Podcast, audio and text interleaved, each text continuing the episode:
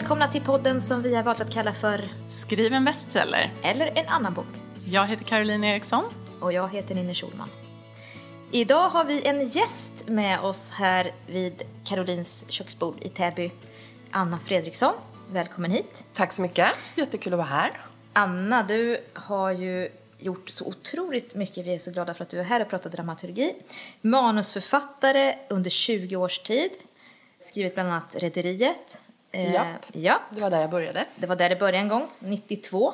Mm. Och du har gjort annat för SVT Drama också, Julkalendern, Pelle Svanslös bland annat. Mm. Jobbar med Colin Nutley, Ja. ja, Sprängaren, Ja. en film som säkert jättemånga har sett.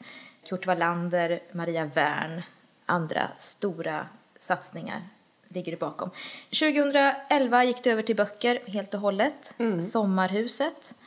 Sen dess har det blivit fem. Ja, Senaste, stämmer. Ja, Absolut. senaste avskedsfesten Ja. som kom ganska nyss. ja, den kom i september. Så det är, vad är det, sex veckor sedan tror jag. Mm. Ja.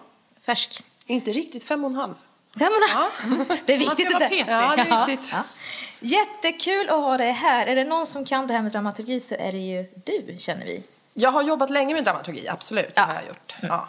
Vad betyder dramaturgi för dig? Om vi börjar där. Nej, men för mig är ju det ett sätt att jobba på som känns väldigt tryggt och skönt.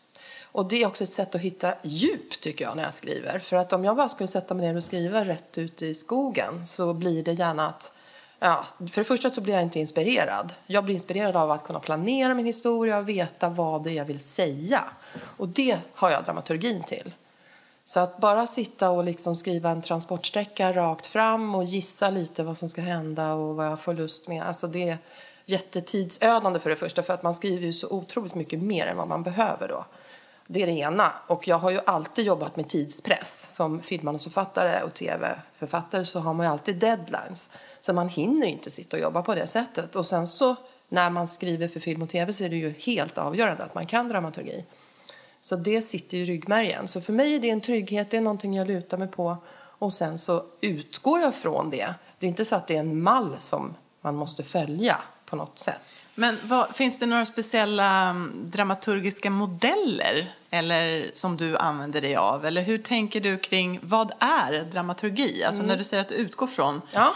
eh, Nej, men för mig är det så enkelt som att det är tre akter. Punkt slut. Det är tre akter. Och det har ju också att göra med att det, menar, alltså, folk tror att det här är någonting som Hollywood har kommit på, att det är något ytligt. Men det är ju helt enkelt Aristoteles för 2500 år sedan som började prata om början, mitt och slut och akt, ja, i de termerna. I treaktsmodellen helt enkelt. Och sen är det ju inte heller så konstigt att Hollywood har använt sig av det här. För det är ju ett sätt att fängsla eh, läsaren eller åhöraren. Och sen tycker jag att man absolut kan använda sig av andra modeller och hitta sin egen och experimentera. Men om man vill skriva en historia som fängslar och som skapar känslor, då är treaktsmodellen eh, helt outstanding. Liksom. Det är någonting som fungerar och det har gjort det i alla tider.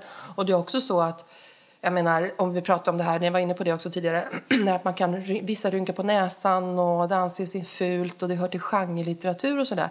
Men så är det inte heller för att, jag menar, ta till exempel P.O. Enquist och Kerstin Ekman, de är ju mästare på dramaturgi. Och de jobbar ju väldigt mycket med en massa sådana knep och tricks och treakter och allt vad du vill.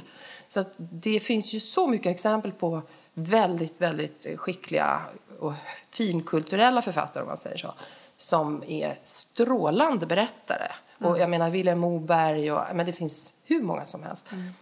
Så att i själva verket handlar det nog om, vill du skriva en bok som fängslar, vill du skriva en bok som drar in läsaren och som framförallt skapar känslor. Och att Hollywood använder, använder det, det är ju för att känslor, det är ju det publiken betalar för. Man betalar en biljett för att gå in i en salong och få uppleva en känsla. Men om du inte har tre akter så är det väldigt svårt. Vad, vad Mm. är det som avgör vad som bryter av en akt? Ja, Kan vi, kan vi liksom kanske Om gå man- igenom här? Alltså, eller kan du tänka dig att bara Ja. gå... och, eh, Hela vägen? Ja, precis. Vad är det Nej, som men- kännetecknar liksom akt för akt och som korthet. bryter av? Mm.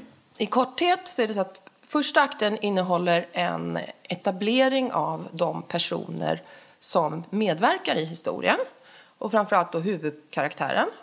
Presenterar vad den personen vill, vad den har för mål, vad som står i vägen för det här målet. Och det kan ju då vara en person, en antagonist, som då också presenteras. Eller det kan också vara någonting annat. Det kan vara en så kallad antagonistisk kraft. Låt säga om du ska skriva en katastroffilm om en tornado. Ja, men då är det tornadon som är din antagonist. Och sen handlar det om att kämpa för att överleva. Och sen så eh, etablerar man en grundkonflikt då. Det är ju det här målet och hindret. Eh, Och sen sätter huvudpersonen igång och tar sig mot målet. Och då kommer man in i akt två. Och där... Alltså eh, hur ser ja. övergången ut? Jag tänker mellan akt 1 och akt 2. Är det någonting som markerar övergången från Mm. Övergången brukar ju se ut så att eh, när den här personen har då... I, i, i ska säga det, i första akten också så brukar det vara en startpunkt som är som ett pistolskott. Väldigt sådär snabb, gärna dålig nyhet.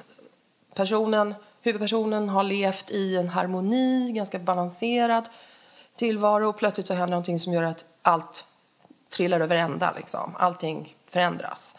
Och det går absolut inte att fortsätta som förut. Man måste agera.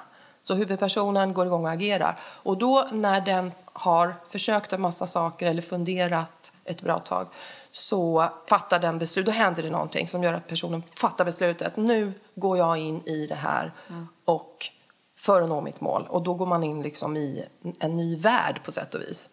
Där det handlar om att nu har jag min eh, riktning. Och, Och då, då är man inne i akt två. Och eh, under akt två då så eh, kämpar den här människan för att nå sitt mål. Fiender dyker upp, hinder dyker upp.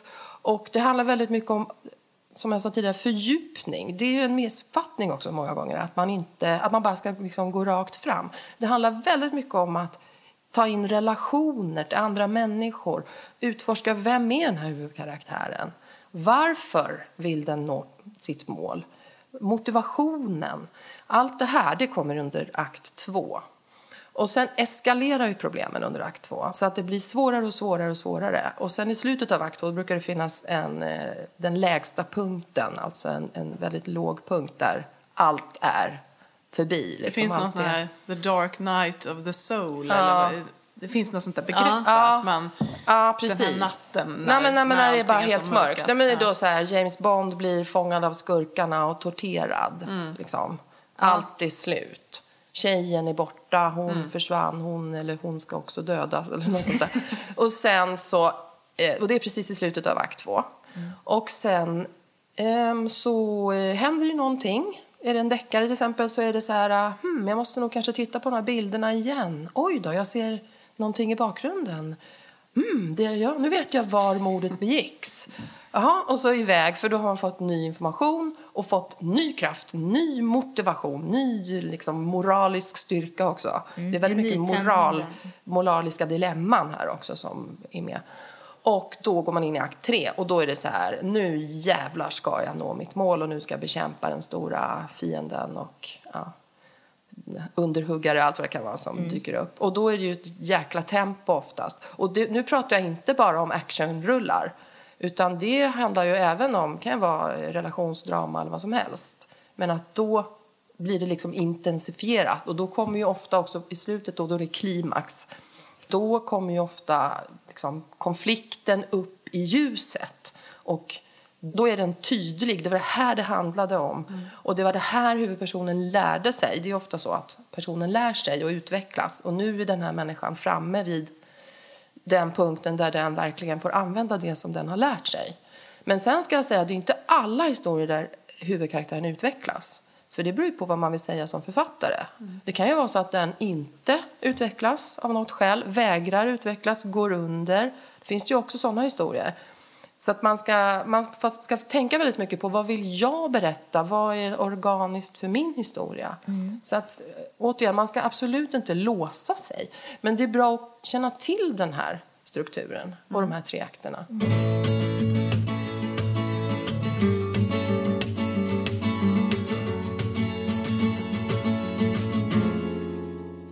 sak man kan säga, varför är den här treaktstrukturen så attraktiv? Varför är den så himla fängslande? Och det är ju för att den påminner ju om livet. Livet är ju så här. Vi har ju i våra liv problem som dyker upp. Ingen har ju ett problemfritt liv. Och då när det dyker upp någonting, jaha, då måste vi agera, vi måste göra någonting. Och så råkar vi ut för konflikter, vi behöver lösa dem. Och sen ta konsekvensen och det blir någon typ av upplösning eller ja, resultat. Så det är ju en slags treaktsmodell som vi lever i. Det är det man ska komma ihåg också när man säger att, att det är fult eller det är liksom ingenting man ska bry sig om och sådär. Ja, men det är någonting som är naturligt för oss. I alla tider när folk har suttit runt lägereldar och berättat historier, sagor och myter, de är ju uppbyggda i treenighet hela tiden. Och det är de ju även, precis som filmer eller Hollywoodrullar är också så uppbyggda i treenigheter. Så när du tittar på en film så är det alltid att om en person försöker göra någonting om och om igen så gör den två försök och så lyckas det på tredje mm. eller misslyckas. Men mm. det är ändå, det är alltid tre mm. hela tiden. Mm. Så att det följer livet, det är väldigt, väldigt naturligt. Mm. Så vi har det i oss. Det är ju till och med så att det är svårt att berätta en historia utan att ha tre akter. Så om du till exempel barn som ska ha hört den här roliga historien om eh, två tomater var ute och gick och så blev eh, den ena överkörd av en bil och så sa den andra kom nu ketchup så går vi. Det är ju en treaktsmodell. Du etablerar två karaktärer, de går ut i gatan, det uppstår en konflikt ja. som dessutom eh, leder till katastrof, ja. vilket är ju det bästa. Och det, händer, det sker en förändring, den ena har genomgått en jättestor förändring. Och eh, sen blir det ett resultat av det hela, en konsekvens. Ja. Det är också en treaktsmodell. Mm. Eller om du bara ska till exempel träffa grannfrun och ska skvallra över staketet. Men har du hört att Lotta har blivit ihop med Lasse? Mm. Jaha, men då är det ju etablera personerna som är mm. med. Det har hänt någonting, mm. det är en konflikt. Mm. Du berättar ju sällan ett skvaller som är så här, vad hurra, jag har ätit pannkaka. Eller, alltså det, det, är ju alltid det här spänningen i en ja, konflikt. Och vet du vad som händer sen? Ja, lite så. precis. Och vad ska hända nu? Mm. Ja. det är en konsekvens. Mm. Så man får faktiskt tänka på att det är svårt att berätta en historia. Mm. Du har ju jättestor erfarenhet av att skriva för tv, tv-serier och film. Vad i det här manusförfattandet har du tagit med dig eh, till böckernas värld och mm. vad har du känt att det har varit väldigt skönt att släppa. Mm. Eh, hur ser du på det? Jo, men det är klart att jag har haft med mig jättemycket eftersom jag har jobbat så länge med dramaturgi. I, ja, när jag började skriva böcker hade jag gjort det i 20 år. Och jobbar man varje dag med dramaturgi så är det klart att då sätter sig det i ryggmärgen. Mm. Så att när jag började skriva böcker så är det klart att då jobbade jag ju på lite likartat sätt när jag planerade handlingen. Men sen också för att jag tyckte det var roligt så gick jag ju från mycket som jag har hållit på med i tv och film. Till exempel då att när jag skrev min första bok Sommarhuset, det är som ett litet kammarspel mm. med bara några få karaktärer i en miljö. De är på, en, i, på ett sommar, eller vad heter det? ett sommarhus på en skärgårdsö. Och det är ganska begränsat och den är ganska lågmäld. Och alla mina böcker är egentligen ganska så här lågmälda och inte så mycket stor dramatik på ytan. Eh, även om det är det då inom människorna. Och det tycker jag var kul att få tänka lite annorlunda där och bara liksom använda den här dramaturgin på ett sätt som är mer mellan människor. Mm och i, eh, inom människor också. De säger inte allt och Nej. visar inte allt utan, som man gör på film då, utan mm. det sker in... Precis, det är den stora skillnaden mm. mellan att skriva prosa och, och skriva filmmanus. Mm. Att jag kan ju bara som manusförfattare kan jag bara skriva sånt som går att se eller höra på en duk eller i en tv-ruta. Så att jag får ju gestalta allting. Och det får jag ju i och för sig jobba med mycket som romanförfattare också, men inte riktigt på samma sätt. Jag kan ju skriva saker som någon tänker på, som har hänt för 20 år sedan eller ja, tänka på någon mm. som inte är där just då. Eller, mm. Och det kan jag ju inte göra på samma sätt som filmförfattare. Där måste jag ju visa, alla känslor måste gestaltas i beteenden och situationer. Så det är ju för sig ganska skönt. Det är ju större frihet som bokförfattare. Ja. Absolut. Sen är ju utmaningen för min del, för jag har ju varit lite yrkesskadad mm, Kan jag tänka mig. Ja, en stor utmaning, och det jobbar jag fortfarande med, det är ju det här med tempo. För att när man jobbar med film och tv så är det liksom ett jäkla tempo på historien. För att man inte vill att folk ska byta kanal. Så att det är ju eh, någonting som jag verkligen har fått jobba med som bokförfattare. Och hela tiden så får ju min förläggare och redaktör säga till mig att ja, men här går det för fort och nu får du liksom sakta ner här och liksom Mm. ge lite mera tid. Och, ja, okej, så då har jag, det har jag verkligen fått jobba med. Men jag känner också bättre det än tvärtom. Mm. Just att det är för segt. Ja. Så fortfarande är jag ju lite så här att jag, ja, jag vill att det ska hända någonting jag vill, i varje scen och i varje, på varje sida. Men det behöver inte vara liksom en exploderande bil eller så. Men, men att det händer någonting som för handlingen framåt. Ja. Så jag håller på där ganska mycket och kämpar med ja, anpassa mig liksom tempomässigt. Jag tänkte på också bara, nu, du har ju lyssnat på, på podden, vet vi lite grann. Det skulle vara så intressant att höra utifrån, vi har ju byggt då utifrån, ja, börja med idéfasen och vi pratar planering och dramaturgi och sådär. Eh, Kan du berätta lite för våra lyssnare hur du jobbar, när, när du får en ny idé, hur går det till och vad händer sen så att säga? Hur tar du dig framåt i skrivprocessen? Mm, ja, men jag får ofta någon idé som jag känner, det är lite som ni sa med pirr. Eh, ja, det, jag vet inte om det är fysiskt pirr, men jag känner helt klart att det här är en intressant idé. Och det gör jag genom att det är både en idé som man blir nyfiken på när man hör den, alltså på ett ganska ytligt plan. Jaha, oj, vad händer om man vinner 20 miljoner och köper en lägenhet i samma hus som ens exman som har lämnat den och så vidare. Sånt tycker jag är spännande, att bara det där lite ytliga, bara den där hooken. Men samtidigt så måste det finnas ett djup i idén så att den, den ska kännas rik. Så att man ska känna att det finns en potential att utforska människor.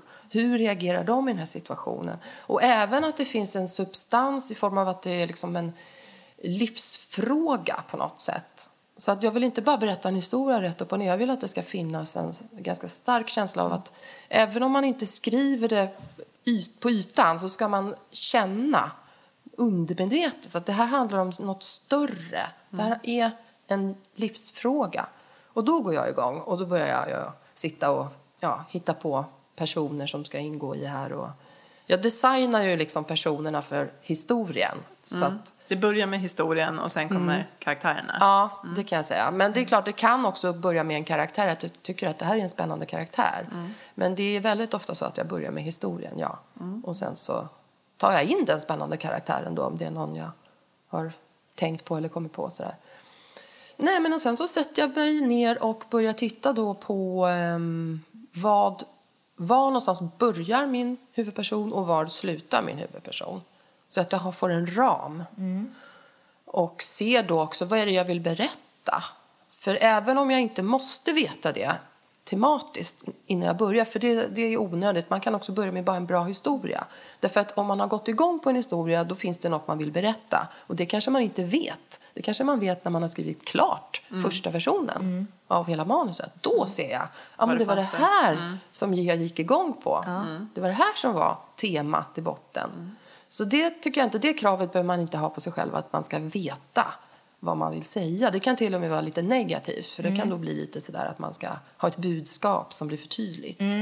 Men i alla fall så bör jag känna att det är någonting som rör sig liksom i botten. Att det finns någonting, bara att jag inte har kommit på det riktigt ännu. Eh, nej, men sen sätter jag mig ner och börjar då planera och tänka då, eh, kommer på olika situationer. Utgår du då från de här tre akterna? Ser du det framför dig? Ja, Du tänker en Mm, vändpunkt mellan ett och två och en vändpunkt mellan två och tre och så jobbar du utifrån Ja, det. det är ganska mycket, ja, det är ganska mycket så att jag slår fast vad är det som får den här historien att börja. Vad är det för någonting som händer i, i första akten? Och sen, vad är det som är själva övergången då till andra akten? För det är också så, vi ska komma ihåg, andra akten är ju boken. Mm. Det är inte bara en transportsträcka som ska man, där man ska fram till någon botten, något bottenläge utan det är det som är boken. Så att har du en idé som det här handlar om det här, jaha, men då är det andra akten du pratar om. Och den andra akten är ju det svåraste, det är ju nästan alla eniga om. Men i och för sig Varför är det svårt då? svårt. Det Nej, bara men det är svårt ensam- med andra akten därför att den är, det är väldigt lätt att den blir eh, seg och tappar tempo. Väldigt lätt att det blir spretigt, rörigt och sådär. Och då är ju också dramaturgi bra att ha för att då har man ju någonting att hålla sig i. Då vet man vad, vad är det jag ska berätta, vad är det som, vart ska den här personen? Och då kan jag liksom sålla där i spretet och bland alla olika idéer som flyger upp i hjärnan. För det, så är det ju när man skriver. Så man inte ger sig ut på olika stigar som är helt irrelevanta för grundkonflikten.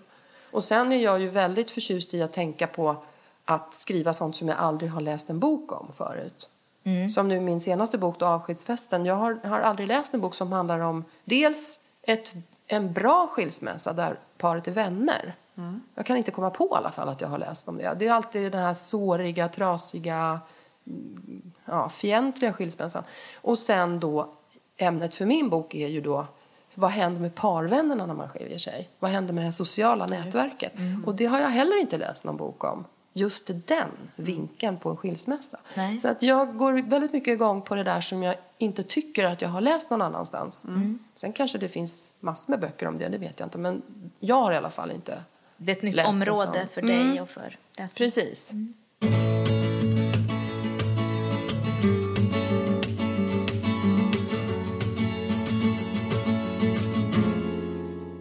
Men du, när du har din, din idé och de här, det här persongalleriet, handlingen och tre akter med de här situationerna som du beskrev.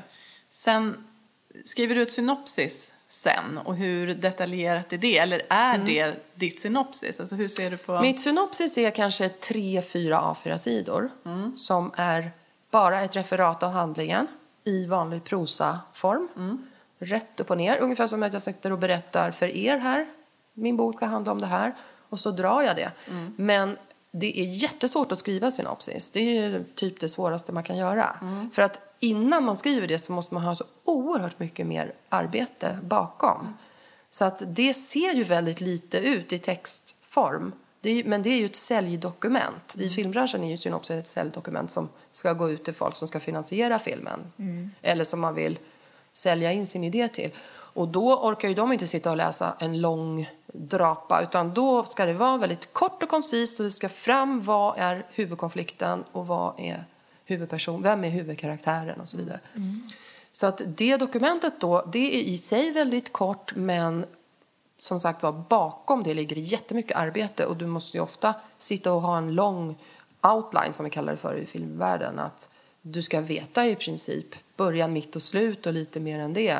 Alla de här ganska stora vändpunkterna bör du känna till innan du sätter och skriver ett synopsis. Så det ligger jättemycket arbete. Alltså synopsis kan man skriva om väldigt många gånger för att få det att bli så där catchy som man vill att det ska vara. Men du skriver inte ner scen för scen, post-it-lapp-modellen, flytta runt? Nej, Nej? Eller ja, scen för scen kan jag skriva, ja, men det gör jag liksom i ett helt vanligt Word-dokument. För lappar funkar inte för mig, för att jag har så dålig, liksom, ja men min hjärna, jag har dåligt spatialt sinne tror jag det heter. Att jag, det här fysiska, att sitta med lappar, det, det är så långt från en bok eller ett filmmanus för mig, så att det blir, jag kan inte jobba på det sättet. Nej. Jag har gjort det, absolut, när jag jobbar med tv och sådär. Då gör man ju det.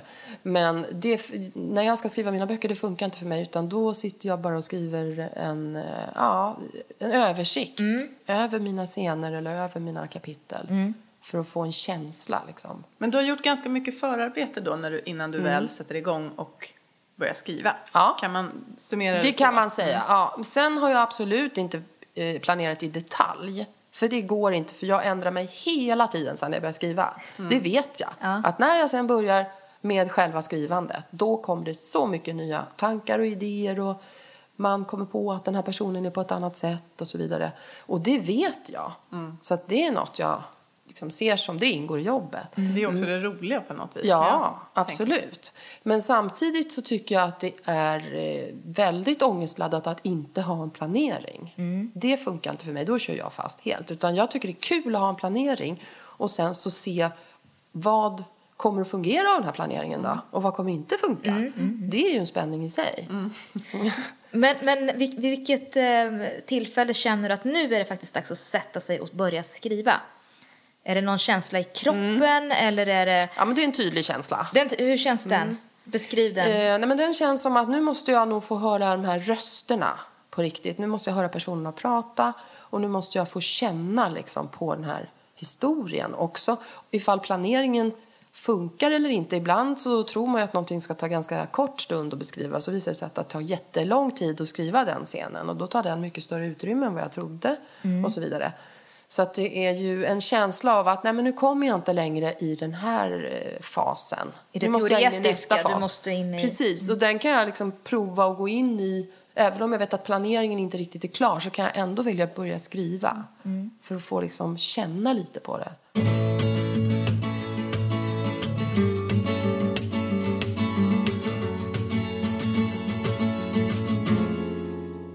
Du har ju också jobbat på andra sidan, såna som tar, du var en sån som tar emot manus Ja. som andra har skrivit. Ja. Vilka är de vanligaste bristerna i manus som inte når längre än till Ja. skrivbord?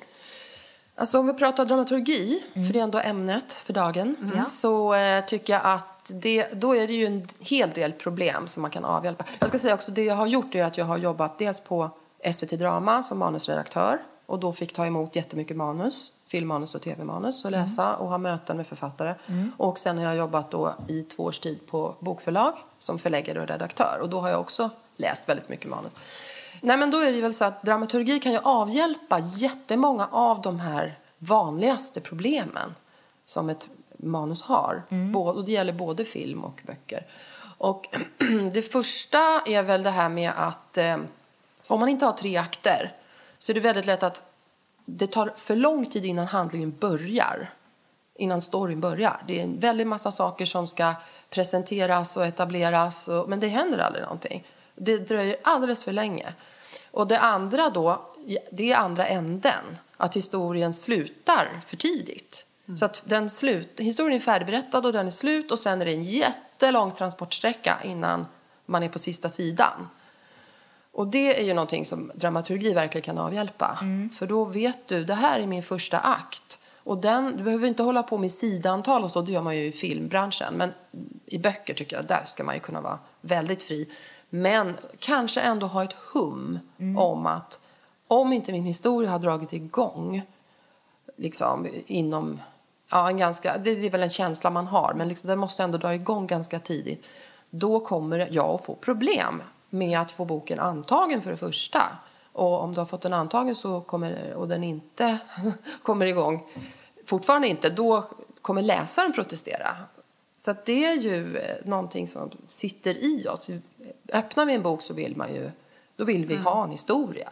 Men tolka det som att det, det är för mycket fluff i början, Mm. eller fluff eller vad jag ska kalla för mycket liksom, transportsträcka i början och också lite samma problem på slutet. Ja. Att det är för mycket, själva historien ryms inom en väldigt, på en väldigt liten del av det totala manus som har Ja, exakt. Så kan man säga. Och i början då så är det så här, folk är ju väldigt förtjusta. Jag hörde, vet att ni pratar om det här med att hur man då förbereder sig med att skriva sina karaktärer och så, och jobba med dem. Och det är ju jättebra man lär känna dem. Men det finns ju en fälla man kan falla i och det är ju att man ägnar då väldigt mycket tid i början av en bok, eller en film då, men om vi nu pratar böcker, åt att beskriva personerna och alla deras olika intressen och bakgrund och familjemedlemmar och relationer och allt vad det. Och sen så tar man och har så kul med det. Så att man glömmer bort att vänta nu, jag ska ju försätta den här personen i problem. Så att läsaren undrar hur ska det här problemet lösa sig. Och det jag skulle vilja säga som tips, det är att man många gånger kan tänka tvärtom. Att börja med att etablera bara precis så mycket så att du får läsaren att vilja följa huvudkaraktären. För det är ju viktigt att man känner någonting för den här personen. Antingen det är att man tycker om den eller bara att man är fascinerad av den och vill följa den. Sen presenterar man problemet. Sen under tiden den här människan håller på att lösa sitt problem, då har du gott om tid att ge information om alla olika ja, matpreferenser eller vad du nu vill. Allt som den här personen är och som är viktigt för historien. Så att man gör tvärtom. Ja, men det ska man understryka att, att eh, i alla fall när jag tänker att man jobbar med karaktärer så är det ett bakgrundsjobb. Att jag ska veta vad, vad den här Ja. personen är för någon sort och vilken livssituation Just att Precis. sätta dem i den här situationen i början som man ska bli lockad av. Ja. Varför finns den här personen just här? Men att sen den här informationen ska finnas i mig så att Ja, det kommer precis. ut lite lagom mycket vartefter. Man ska ju inte redogöra någon sorts livsberättelse det första som, som händer. Nej. Om, sen kanske inte... det är ett missförstånd i så fall. Ja, för det, det tänker jag också. Att jag tror Ja. att vi pratade om det förra Nej, det gången. att förstod är jag Ja, ja, ja. som- Men om, om lyssnarna missförstod oss Ja. så, så är det inte så. Då ber vi om ursäkt. Nej, men det tycker jag framgick Ja. jättetydligt. Ja. Men det är precis samma problem som när du gör research Ja. och blir så Den ska överlycklig. ju inte synas Nej, heller. och du Nej. gör research och tycker att det är underbart och intressant och kul på alla sätt och det här bara måste in i boken och så trycker man in det Mm. så att läsaren får en lång, lång, lång, lång tegelsten av Mm. information som bara är research som egentligen inte riktigt gör att historien lyfter utan tvärtom tynger ner. Och det har ju faktiskt, det problemet har ju jättemånga stora etablerade författare ska jag säga. Mm. Det blir som små Faktiskt. föredrag. Ja. som man får Ja, se föredrag till inom livs. ramen för... Precis. Och det tycker jag då kan vara ett problem. Sen finns det kanske läsare som tycker det är jättefascinerande Mm. och, och är intresserade av det där fakta, eh, faktastoffet. Absolut. Men om du frågar mig så tycker jag det är elegantare att Mm. lägga in det som är relevant för själva grundstoryn. Att allting behöver Mm. inte... eh, Dels att man portionerar ut, men allting behöver heller inte komma med. Nej. Alltså, jag tänkte, Nej. Det var det vi pratade om förra Ja. gången också. Att eh, det är så mycket arbete som görs som aldrig Verkligen. syns i den Verkligen. färdiga boken. Och så ska Absolut. det också vara. Och som kanske är faktiskt är helt nödvändigt för den färdiga boken. Den hade aldrig kunnat bli så om du inte hade skrivit om det så många gånger eller rensat och skrivit nytt. Det är det som är att vara författare. Det är ju att vara så jäkla tjurskallig som man måste vara. Så är det verkligen. Ja.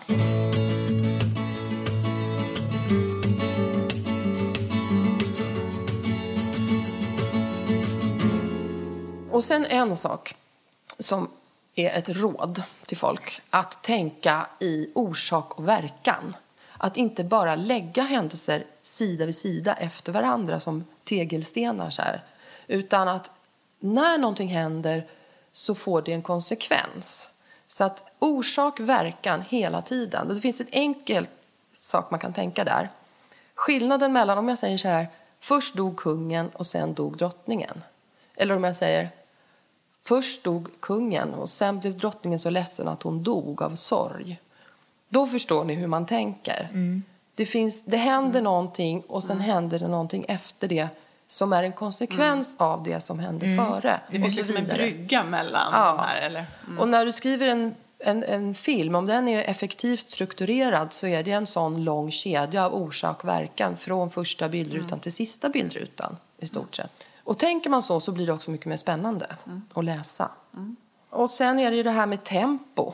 Det är ofta ett problem att det är för lågt tempo. Även om personen, huvudpersonen har en riktning så kan det gå ganska långsamt.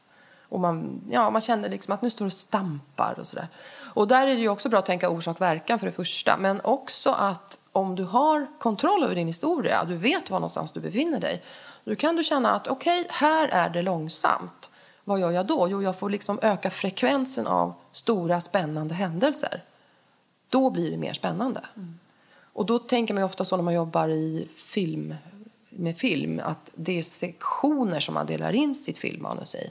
I sekvenser. Så man vet att den här sekvensen, som då ofta också består av tre akter. Så allting är väldigt indelat i tre hela tiden. Tre akter i en sekvens, tre akter egentligen i en scen också. Det kan till och med vara en replik om man jobbar med komedi. Om du tittar på en sitcom så är ofta ett replikskifte ju det är tre akter. Eh, Det är ju liksom två repliker och sen kommer en punchline. Så att det är ju hela tiden det där tre-tänket som gör att man kan då komma upp i tempo om det behövs. För det är ju ett vanligt problem. Vilka bra, jättebra och handfasta råd. Ja, Ja, det är inte så lätt att omvandla till verklighet men när man sitter så här på läktaren så kan man ta sig friheten och Ja. men om vi ska ge ett exempel på en sån här transportsträcka, vad, vad kan det vara för någonting? Oj, oj, oj. Ja, men det kan ju handla om att... Eh, ja, en, en sak som kan vara väldigt svår att jobba med, som jag alltid har tyckt är svårt, det är ju scener med många karaktärer som sitter runt ett middagsbord eller har ett möte. Eller som jag jobbar med Red- Rederiet. Det värsta avsnittet jag någonsin har jobbat med det var liksom när de skulle ha en så här strejkmöte i mässen. Och vi skulle samla alla karaktärer och de skulle liksom prata och vara kamplystna. De scenerna är ju jättejobbiga. Så att det är svårt att få till en, en laddning i scener där det handlar om att många människor ska agera. Och jag har tänkt på det också när jag tittar på olika, olika tv-serier.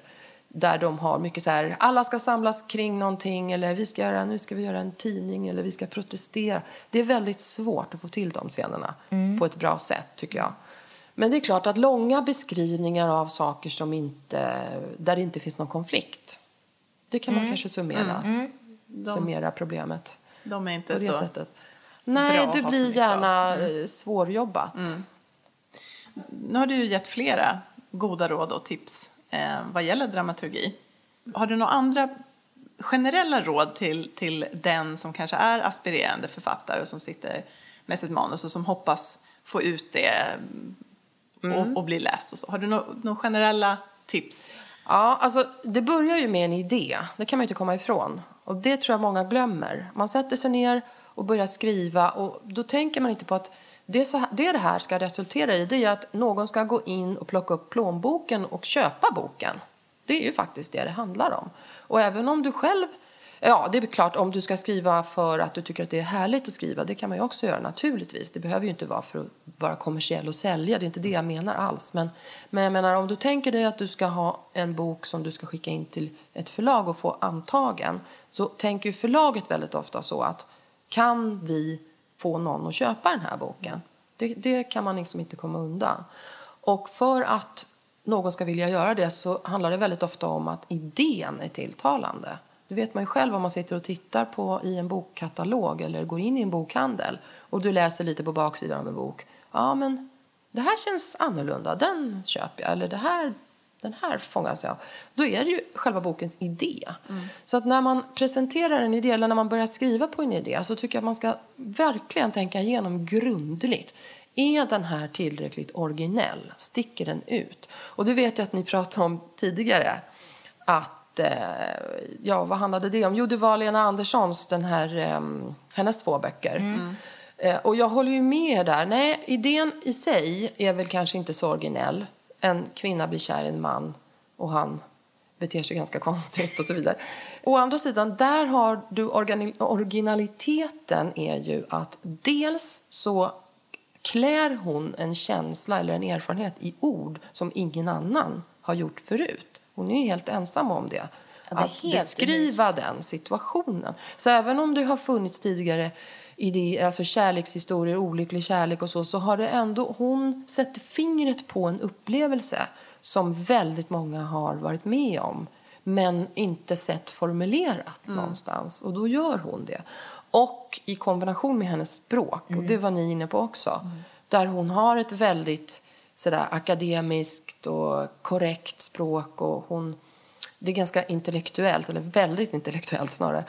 Och väldigt lite känslor i språket men däremot enormt mycket känslor och passion Ja. i handlingen och innehållet. Och den kollisionen skapar ju något helt unikt. Så att jag tror att ska man sätta sig som författare och skriva, då, låt säga då en kärlekshistoria, då ska man också kanske veta att nu, nu tycker jag att jag sitter med någonting som inte har berättats förut. För det tror jag är, det är jätteviktigt att tänka på det. Vad är det för idé? Mm. Vad kommer jag med som är Ja, unikt? eller? Precis. Inte titta så mycket på vad som finns ute på marknaden just nu Nej. och försöka hitta någonting där som man ska passa in i utan hitta något helt eget. Absolut. Och så ska man tänka, om man, om man går på det som är trendigt, då vet man att det kommer vara precis det som är iskallt när min bok kommer ut. Om jag nu får ut den. Så att tänk inte ett dugg på trender, utan tänk, gå in i dig själv. Tänk på, precis som hon sa som ni hade som gäst, Anna... Schultze. Ja, precis. Hon sa, berätta det som du känner, så här är det. Så här är livet. Så här är det att vara människa. Det är min erfarenhet. Gå på det. Och vässa till det så att det känns som att du får till en hook som folk blir spända på att få läsa om. Så att, ehm, mm, det är några råd.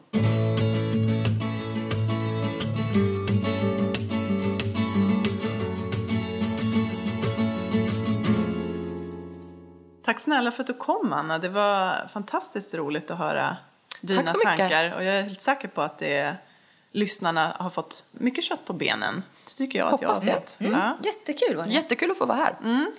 Vi ska väl tacka också då poddbyrån och Timmy Strandberg som klipper. Precis, och så tackar vi för att vi får låna musiken av Josh Woodward. Ja, och nästa vecka är det dags för frågor och svar. Så ös på med era funderingar, i synnerhet dramaturgi eftersom att det är det vi sysslar med just nu, men det går ju bra med vilka frågor som helst. Följ oss på Instagram och Facebook. Och ha det jättebra. Tack för den här gången. Hej då. A sticky summer's day in Shepherdstown An eagle in a thermal is a circling round Like a tire on a bike rolling down Columbus Street Katie got a little look of hope in her eyes And her arms unfold and she looked to the skies And said, I'm gonna learn to fly around with you, yeah She jumped up high and she fell to the ground and skinned her little knee and made a horrible sound. She got right up and she tried it again and smiling all the way with her unstoppable grin.